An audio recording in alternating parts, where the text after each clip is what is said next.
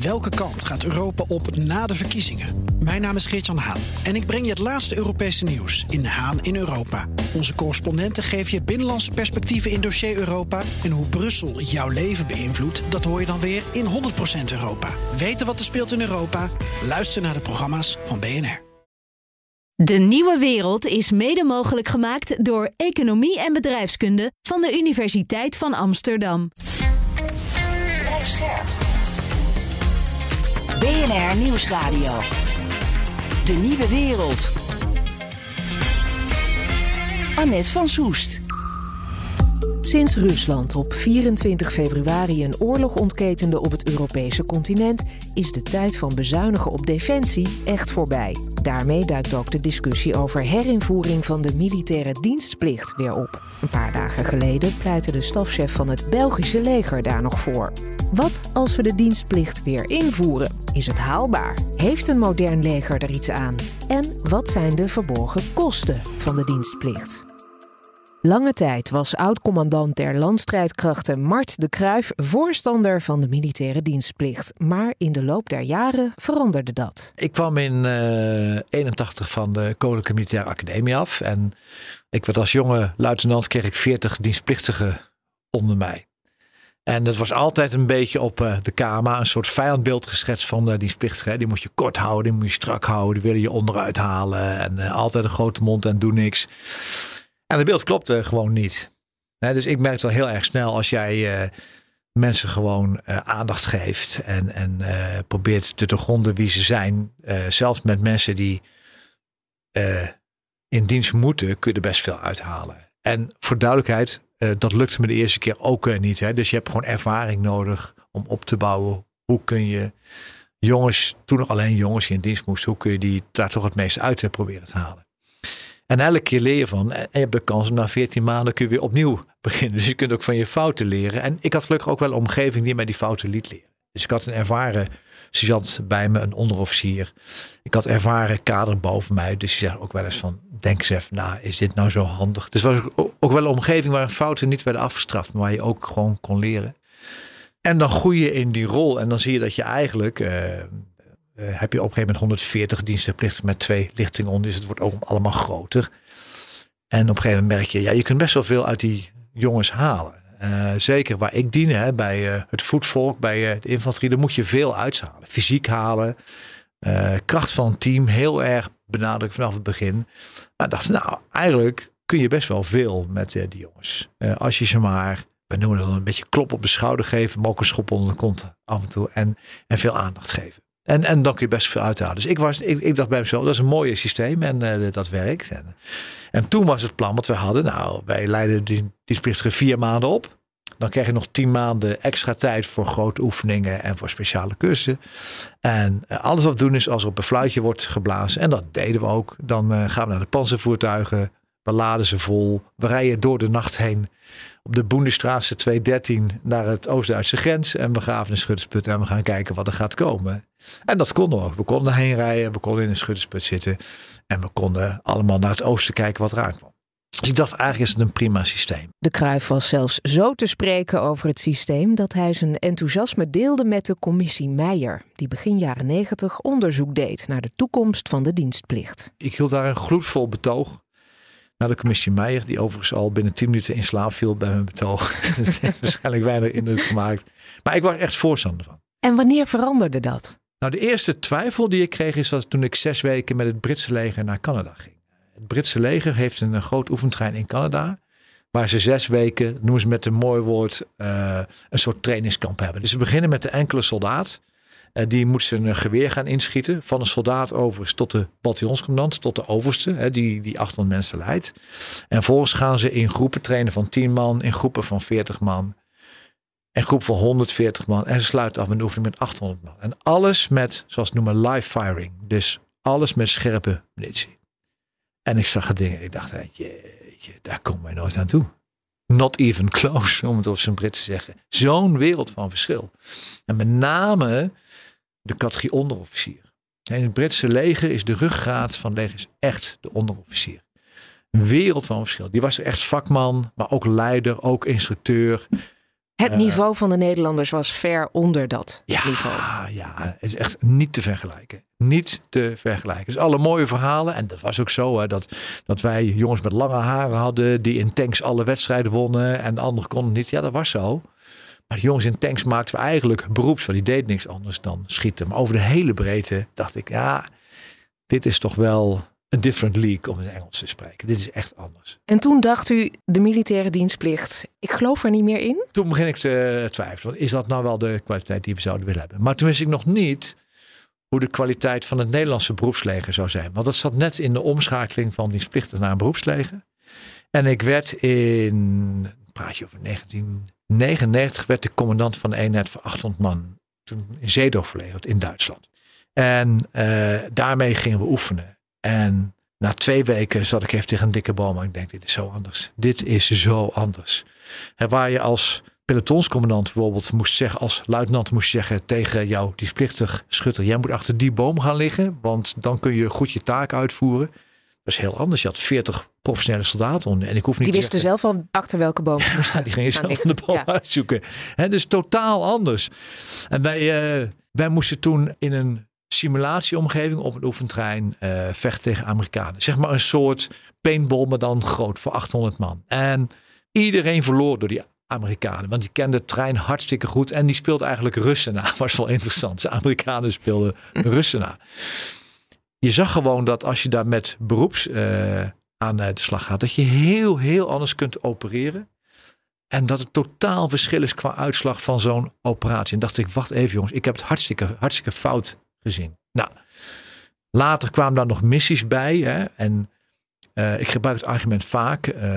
Ik kende nog uit de dienstplichtige tijd de dienstplichtige Hospik. Die was dan vier maanden opgeleid en die kon pleisters plakken. Maar nu heb je per groep had je een eh, combat lifesaver in Afghanistan. En je weet, de eerste twee minuten na het iemand wordt verwond bepalen eigenlijk wat de overlevingskans van iemand is. En zo'n combat lifesaver is eigenlijk gewoon een traumatoloog.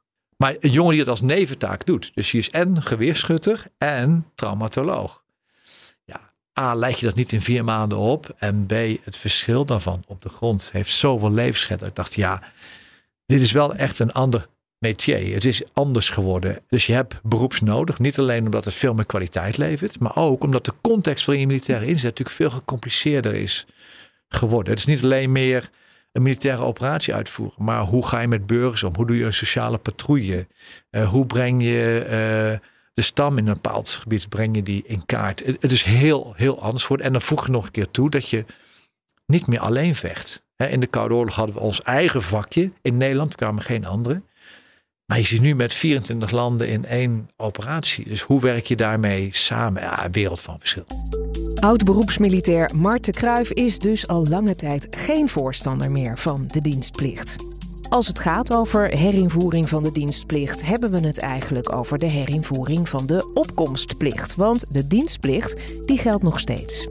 Stan Meubussen promoveerde in 2017 aan de Universiteit van Tilburg met de eerste en enige wetenschappelijke juridische studie naar de dienstplicht in Nederland. Zijn proefschrift heet Twee eeuwen dienstplicht, discipline, dienstweigering en desertie. Nou, het was eh, meer dan twee eeuwen geleden dat Napoleon de dienstplicht in Nederland introduceerde. Eh, hij heeft dus ongeveer twee eeuwen bestaan. In 1995 zijn de laatste militairen naar de kazernes gegaan. En dat waren jongens. En die moesten dus, eh, die, die kregen op hun achttiende een brief. Moesten gekeurd worden. En weer een tijdje later een brief dat ze echt moesten verschijnen. En ze moesten dan, afhankelijk van het tijdvak, moesten ze twee jaar, één jaar, negen maanden naar de kazernes toe.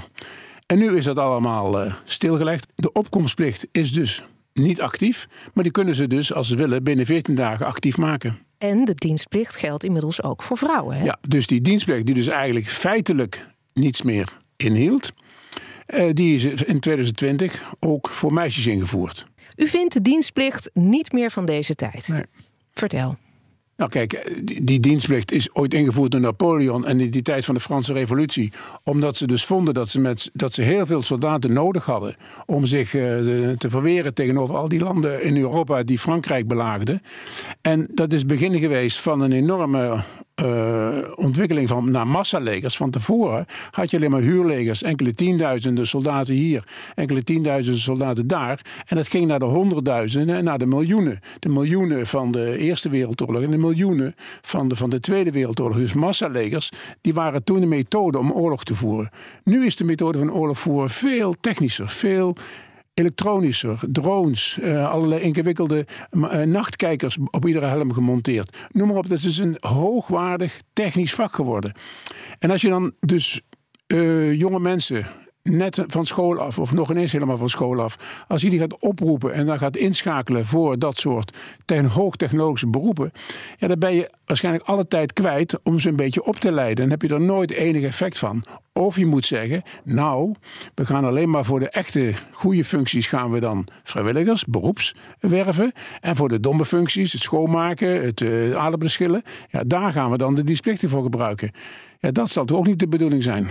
Ja, niet de bedoeling en niet eerlijk. En dat was de dienstplicht ook al niet toen er nog een opkomstplicht was. Kijk, een van de problemen die de dienstplicht had toen die werd opgeheven was dat je als je dan ongeveer 200.000 uh, jongens en meisjes van de generatie had, van dezelfde leeftijd, dat je toen nog maar uh, ja, misschien 50.000 daarvan ging inlijven. Misschien een kwart, een zesde misschien van een bepaalde generatie. Dus maar een derde van de jongens en een zesde van de generatie werden maar opgeroepen. Dat was dat sowieso niet meer eerlijk.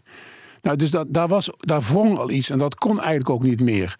Dat was zeker een factor waarom die dienstplicht niet meer functioneel was. Tweede argument was waarom die dienstplicht niet meer kon, was ook omdat de oorlogen van Nederland, die werden niet meer gevoerd, ik zal maar zeggen bij de grens van Duitsland of van België, maar die werden gevoerd ergens in Afghanistan of in Irak of in uh, Joegoslavië.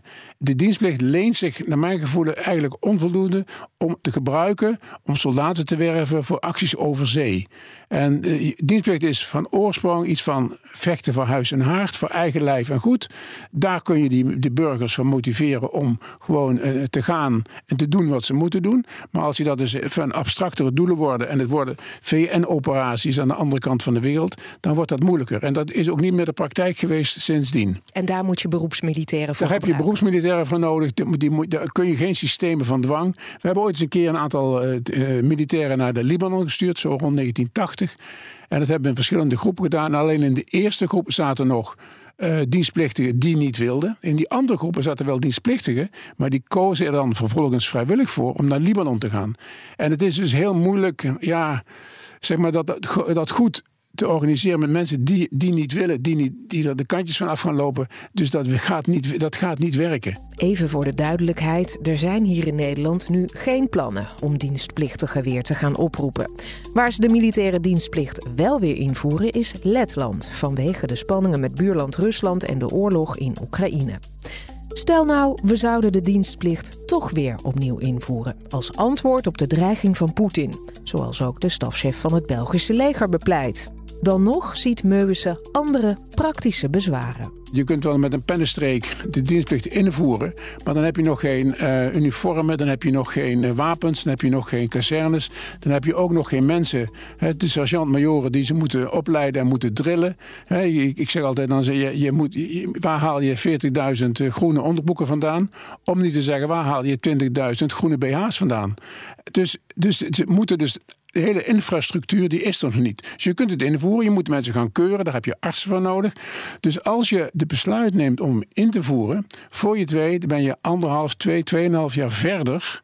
Uh, zodat je, ze, dat je ze actief hebt gemaakt. Dat ze echt bruikbaar zouden kunnen zijn. Dus, dus bijvoorbeeld als je nu de situatie nu bekijkt, dan zou je kunnen zeggen, als we dat nu zullen doen, omdat we, omdat we Poetin niet vertrouwen, dan kunnen we dus ergens uh, in 2026 of zo, kunnen we dan misschien opgeleide, bruikbare dienstplichtig hebben. Wellicht, wellicht. Dus niemand kan overzien hoe dan de wereld is. Dus de dienstplicht is ook een te log apparaat dat voor een staand leger nog wel bruikbaar is, maar voor een zo zeggen, een, actief, een, een soort blitzkriegleger helemaal niet bruikbaar is. Hoe zou een nieuwe generatie reageren als ze opeens opgeroepen zouden worden om het leger in te gaan? Ja, verbaasd. Uh, verbaasd. Uh, kijk, het is natuurlijk Het is natuurlijk niet een realiteit. Ik ben ook gegroeid in de tijd dat ik al die tijd dat wist. Omdat ik, eh, eh, als jongen op de middelbare school wist ik, er komt een keer die dienstplicht aan. Ik wist dat toen ik, eh, toen ik ging studeren, ik wist dat dat, dat, dat wist je. Dat was algemeen. Ik had nog een, ik had nog een, ik had nog één oudere broer. Ik had ook nog ook nog drie andere broers en die, vier andere broers. En die wisten ook dat ze daar niks mee te maken hadden, want er waren maar twee broers per gezin waren maar nodig, werden maar opgeroepen. Een merkwaardige vorm van discriminatie overigens, uh, bij, bij de W. Als je dat terugkijkt, want waarom zouden mijn jongere broers minder geschikt zijn en beter kunnen, het beter kunnen doen, slechter kunnen doen dan ik. Dus dat was een hele raar uh, idee. Dus, ik, dus het, was het, was vanzelfsprekend. En die vanzelfsprekendheid is totaal verdwenen. Dus dit zou mensen, zou mensen verwarring brengen. Wat, wat, wat is dit voor iets? We, ik geloof best dat mensen een hoge mate van uh, maatschappelijke betrokkenheid hebben. Dat zie je zowel aan uh, jonge activisten die zich inzetten voor alle doelen. Of het nou eigenlijk jonge boeren zijn of jonge milieuactivisten. Je ziet dat er wel, dat er wel degelijk een grote mate van maatschappelijke betrokkenheid onder de, onder de jongeren is. Maar om de vorm die dan zou zitten in de militaire dienstplicht. Ja, ik denk dat dat, dat, dat ja, alles, alles, je kunt zeggen, alles wendt wat je niet kent. Maar ik bedoel dat. Dat gaat nog een enorme, het zou nog een enorm, is nog eigenlijk een enorm psychologisch probleem, zou je kunnen zeggen. En ik denk dat het ook gewoon, ja, kijk, dienstplicht is geen natuurverschijnsel. Het is, het is gekomen en het is gegaan. Voor 1800 voerden we oorlog met huurlegers. Na 2000 voeren we oorlog ook weer met beroeps- en huurlegers. Dus ja, ik zou niet weten hoe dat zou moeten. Ook de militaire leiding is niet meer gewend dat ze met dienstplichtigen te maken hebben. Waarom hebben... schaffen we het dan gewoon niet helemaal af? Nou ja, dat is mijn, ik heb ook betoogd dat rustig die kaderwet dienstplicht rustig ingetrokken kan worden. Mijn, mijn, mijn betoog. Dat, dat, dat, dat is een beetje, het was een beetje koudwatervrees zo, zo rond 1992. Toen ze dat besloten hebben. Omdat ze net niet durfden om die dienstplicht ook echt helemaal wet, die wet als het ware af te schaffen. Dat zou makkelijk kunnen. Het zou heel logisch zijn. Econoom Frank Hubers van de Open Universiteit deed onderzoek naar de verborgen kosten van de dienstplicht in Nederland. Volgens hem is daar bij de discussies over dienstplicht veel te weinig aandacht voor. De verborgen kosten zijn vooral gerelateerd aan wat wij in economie noemen opportuniteitskosten. Dus eigenlijk de kosten die ontstaan doordat je een groep jongeren, 18 tot 20-jarigen, opeens uit hun carrière trekt en verplicht in dienst stelt. Deze twee jaar, dat het bijna vaak is, kunnen zij niet naar school, zij kunnen niet aan een carrière werken en die zijn ze dus feitelijk kwijt. Nou, die opportuniteitskosten zie je eigenlijk op twee manieren terug. Eén, uh, op het moment dat ze in dienst gaan. Ze krijgen soldij uitbetaald en die soldij is een stuk lager dan wat ze normaal gesproken zouden kunnen krijgen als ze uh, een normale baan zouden, zouden gaan vinden. Wij hebben vooral gekeken in dat onderzoek naar de lange termijn kosten ervan. Dus we hebben eigenlijk, onze hypothese was, stel dat je die jongeren, die, die trek je uit hun carrière. Die komen net van de middelbare school vandaan. Willen gaan studeren, willen hun carrière opbouwen, willen iets gaan doen. Die kunnen dus twee jaar eigenlijk daar niet aan beginnen. Die twee jaar zijn ze kwijt en beginnen dan misschien met een studie of met een, uh, met een baan die ze leuk vinden. Maar dan hebben ze een achterstand opgelopen. Klopt, ze hebben een achterstand opgelopen en die werkt heel erg lang door. En dat lieten we eigenlijk in het onderzoek zien. Dus tot 18 jaar na de dienstplicht verdienen de dienstplichtigen nog steeds 5% minder dan, hun, uh, dan als ze niet in dienst hadden geweest. Hoe verklaren jullie dat inkomensverschil? Eigenlijk een paar redenen. Dus ten eerste omdat ze, uh, stel dat ze niet in dienst hadden gegaan, hadden ze dus uh, of van een school gegaan of in een carrière gewerkt. Dus dat zijn twee jaar extra die ze nu kwijt zijn. Dus ze lopen eigenlijk twee jaar achter op hun leeftijdsgenoten. Ten tweede, het is een stuk minder effectief als jij na de middelbare school opeens twee jaar ertussen uitgaat. Je, je verliest kennis. kijk naar wiskunde, statistiek, dat, dat raak je heel snel kwijt als je het niet gebruikt. En begint dan met een universitaire opleiding of met een HBO-opleiding. En die, je begint eigenlijk met een achterstand meteen. En dat zagen we ook terug in, in de opleidingsniveaus. Dat, dat mensen die in dienst waren geweest een kleinere slaagkans hadden. En uh, minder vaak met een diploma uh, uh, afkwamen dan zij die niet in dienst waren geweest. Zij starten dus ook minder vaak met een studie na de dienstplicht. dat was, was onze interesse, want het zou eigenlijk aannemelijk zijn dat er juist veel meer mensen zouden, zouden afstuderen. Want het was namelijk een manier om niet in dienst te hoeven.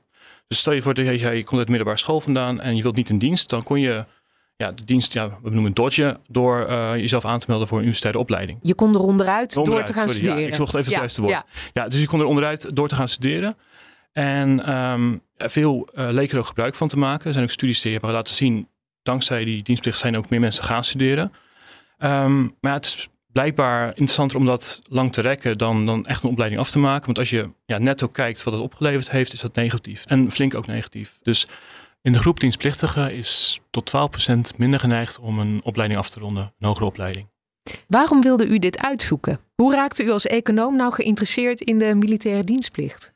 Ja, kijk, als econoom is, is eigenlijk de dienstplicht heel interessant, omdat het een, een hele ouderwetse manier van forced labor, gedwongen arbeid, die we nog steeds in heel veel landen wordt uitgevoerd. En um, ja, volgens economische theorie is, is dat altijd inefficiënt. We gaan ervan uit dat mensen zelf het beste weten wat goed voor ze is. Dat is het uitgangspunt van de vrije markt, van, van de vrije economie. Dat betekent dat jij zelf weet het beste waar je in jezelf in moet investeren. Dus als jij goed bent in, in de skillset die nodig is voor het leger, dan zou je jezelf ervoor aanmelden. Dan kun je daar specialiseren. Um, en, en als je daartoe wordt gedwongen? En als je daartoe gedwongen, dan gaat het je geld kosten. Dat ga jij betalen als persoon. Uh, indirect. Dat is de verwachting en dat laten we dus ook die onderzoeken steeds zien. En we hebben die onderzoeken gezien in andere landen en die komen eigenlijk allemaal op hetzelfde uit. En ook in Nederland zien we gewoon hele, hele heftige effecten op inkomen. Die 5% verschil, 4 à 5% verschil. Ja. Dus ja, past de dienstplicht nog wel in onze huidige maatschappij? En onze huidige arbeidsmarkt? Nee, ik, ik vind dat de dienstplicht hoort eigenlijk niet in de moderne maatschappij thuis. Ten eerste twijfel ik over de, de effectiviteit van een dienstplichtig leger ten opzichte van een vrijwillig leger. Ook wederom, volgens economische inrichten is een vrijwillig leger productiever, effectiever. Maar eigen gedwongen arbeid is ook iets wat niet binnen onze samenleving hoort. Ik denk dat dat niet past in, in, in een vrije economische cultuur. Maar ook andere zaken spelen mee. En dat is voor mij heel belangrijk. Ik vind dat het ook onevenredig is verdeeld wie de lasten draagt van de dienstplicht. Als je kijkt wie er in de dienstplicht zitten en wie er uiteindelijk terechtkomen, dat lijkt heel random. Hè? Gewoon een, ongeveer 40% van elk geboortegehoord komt in de dienstplicht terecht. Maar als je dan kijkt naar de samenstelling, zijn het ook vaak mannen van lage sociale klasses al. En die dragen ook nog eens de zwaarste lasten. Want het zijn dus mensen die dus in die twee jaar lager inkomen gaan krijgen als soldij. En ook nog eens later leeftijd achteruit gaan. Dus die, die betaalt eigenlijk een veel zwaardere last voor het leger dan de rest van Nederland betaalt. En dat is eigenlijk heel oneerlijk. En je zou het bijna kunnen zien als een soort extra belasting die op soort geheven. tijd is geld voor economen. Dus of je, of je tijd inlevert of geld, dat maakt eigenlijk niet zoveel uit. En uh, die belasting wordt gedragen of werd gedragen in de tijd van de dienstplicht door eigenlijk de klasse die, die het al zwaar had. En hoe komt dat dat juist die klasse uh, het vaakst dan die dienstplicht heeft?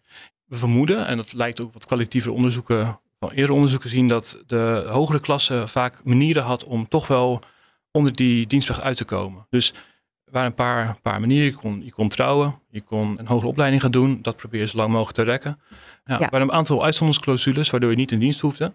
En je merkte dat toch de hogere opgeleide of de mensen uit betere families of betere hogere inkomensfamilies, dat die daar meer gebruik van konden maken dan de, de lagere uh, inkomensgroepen. Ook ethisch is het een, een ja, wij vinden het allemaal onethisch dat de, zwaar, dat de zwakste schouders de zwaarste lasten dragen. We hebben liever andersom. En bij dienstplicht zie je dat wel gebeuren. Dat de zwakste schouders dragen de zwaarste lasten. Conclusie, wat als we de dienstplicht weer invoeren? Ja, ik vind het geen goed idee. Ik, zou, uh, ik denk dat het Kijk, ik ben geen militair stratege, dus ik weet niet of het per se productiever kan zijn. Maar als econoom? Als econoom zeg ik absoluut niet doen. Dit was De Nieuwe Wereld. Volgende week dinsdag zijn we er weer. Of luister wanneer je wil in je podcast-app. De Nieuwe Wereld is mede mogelijk gemaakt door Economie en Bedrijfskunde van de Universiteit van Amsterdam. Ook Harm Edens vind je in de BNR-app. Je kunt BNR Duurzaam niet alleen live luisteren in de app, maar ook terugluisteren als podcast, zoals al onze podcasts. En naast dat de BNR-app Breaking News meldt, houden we je ook op de hoogte van het laatste zakelijke nieuws. Download nu de gratis BNR-app en blijf scherp.